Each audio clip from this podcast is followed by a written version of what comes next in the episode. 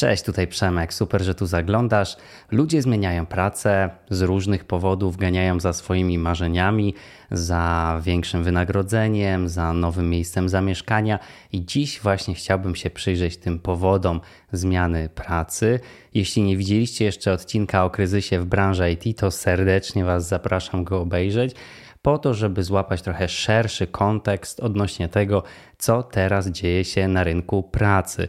W ogóle dzisiaj trochę Was podsyłam do swoich innych materiałów, dlatego że każdy z tych pięciu powodów, które dla Was przygotowałem, zaproponuję razem z moim komentarzem. Zapraszam.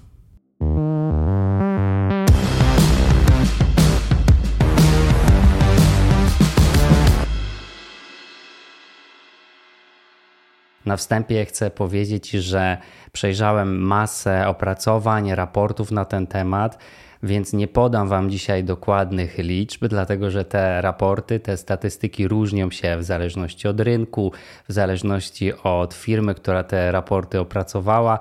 Niemniej wyciągnąłem z tego gęste, wyciągnąłem z tego sens, zmerdżowałem je do tych właśnie pięciu najczęstszych powodów, dlaczego ludzie zmieniają pracę w ciągu ostatnich miesięcy, w ostatnim okresie w tym roku.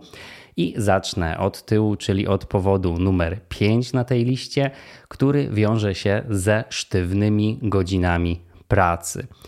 Czyli widać, że ludzie mają potrzebę, żeby praca współgrała z ich życiem osobistym, z ich życiem prywatnym, że jeżeli potrzebują zawieźć dziecko do lekarza w trakcie pracy, to chcą mieć taką możliwość, chcą mieć możliwość podzielić sobie dzień pracy, popracować parę godzin na przykład rano, później odrobić wieczorem, albo w ogóle zacząć później pracować do późniejszych godzin, czy też odwrotnie, zacząć wcześniej i skończyć wcześniej. Nie wszyscy pracodawcy, jak widać, dają taką możliwość. Oczywiście są takie branże, w których nie jest to zupełnie możliwe. To są prace zmianowe, gdzie po prostu coś musi się wydarzyć w konkretnych godzinach. Na szczęście w branżach nowoczesnych usług to zjawisko znacznie rzadziej występuje, więc w IT czy w ogóle w przedsiębiorstwach świadczących usługi w zakresie technologii to coraz rzadziej jest problemem i pracodawca wręcz zaprasza do tego typu działania, do działania w ramach pracy asynchronicznej, czyli nawet jeżeli jesteśmy w jednym zespole, to nie musimy pracować zawsze w tych samych wyznaczonych godzinach. Mamy do tego procesy, mamy do tego narzędzia, nie jest to już więcej problemem. Powód numer cztery to wypalenie zawodowe. Oczywiście jest to najczęściej miks różnych elementów. To może być kiepska atmosfera w pracy, niezadowolenie ze swojego zakresu zadań, niezadowolenie ze swojego wynagrodzenia, brak podwyżek w ostatnim czasie. To może być jakiś konkretny współpracownik czy nasz lider. To może być właśnie kombinacja tych wszystkich rzeczy, która doprowadza nas do miejsca, że zwyczajnie mamy dosyć. I w tym temacie chciałbym zaprosić Was do odcinka, który nagrałem na temat, co robić na co dzień, aby uniknąć tej sytuacji, aby uniknąć tego, że dojdziemy do miejsca, w którym wypalimy się zawodowo. Obejrzyjcie koniecznie ten odcinek. Powód numer trzy to brak możliwości dalszego rozwoju. Jak najbardziej to rozumiem. Ja sam jestem osobą, która zawsze biega za tym, za nowością, za zmianą, za tym, żeby nauczyć się czegoś nowego, poszerzyć swój zakres kompetencji. Ja akurat mam takie podejście, że wolę mieć więcej umiejętności tak szeroko na takim poprawnym, dobrym poziomie, niż być specjalistą w bardzo wąskim zakresie i robić tylko tę jedną rzecz po prostu zawsze wiele rzeczy mnie interesowało i preferuję właśnie tak kierować swoją karierę zawodową, żeby móc mieć to szerokie spojrzenie i robić różne rzeczy, nie sprowadzać się do jednej czynności dzień w dzień. Natomiast oczywiście, jeżeli ktoś preferuje być specjalistą w wąskim zakresie, również może dojść do tego miejsca, że jest już dla przykładu seniorem i poszukuje czegoś więcej i chciałby być jeszcze lepszym specjalistą, może w jakiejś kolejnej niszowej technologii, może chciałby wiedzieć więcej o branży, w której pracuje, chciałby się dalej rozwijać i pracodawca tego nie oferuje pracodawca, nie ma mu co zaproponować.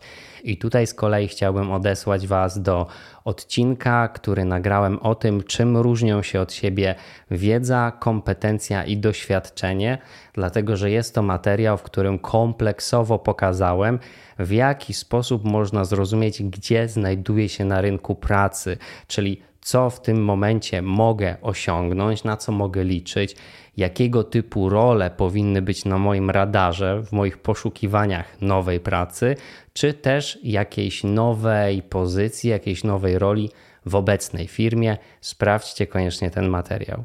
Drugim najczęstszym powodem odejść jest w ostatnim czasie wynagrodzenie czyli chęć zarabiania więcej w sytuacji, kiedy nie widzimy opcji na ten zarobek w obecnej firmie.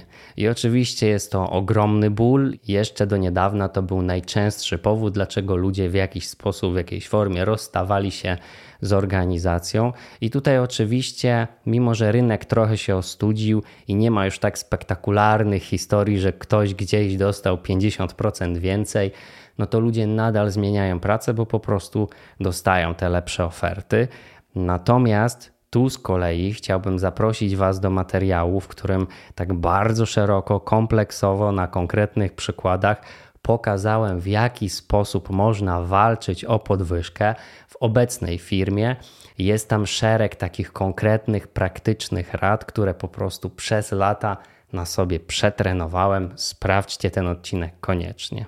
A powodem numer jeden rozstań pracowników z firmą w ostatnim okresie są niestety layoffy, masowe zwolnienia, restrukturyzacje, obecna sytuacja gospodarcza, która spowodowała, że firmy albo rezygnują z jakichś inwestycji, albo muszą zoptymalizować swoją strukturę kosztów po to, żeby marża się zgadzała, po to, żeby biznes nadal mógł funkcjonować zdrowo co z kolei wiąże się z przesunięciem zapotrzebowania na dane kompetencje, co wiąże się z tym, że firmy szukają bardzo konkretnych specjalistów i inaczej układają swoją strukturę organizacyjną. Jeśli interesuje Was, jak rzeczywiście wygląda gospodarka w tym momencie, jak wygląda rynek pracy, jak wygląda rynek nowoczesnych usług, tych branż technologicznych, zapraszam Was gorąco do sprawdzenia materiału na temat kryzysu w branży IT.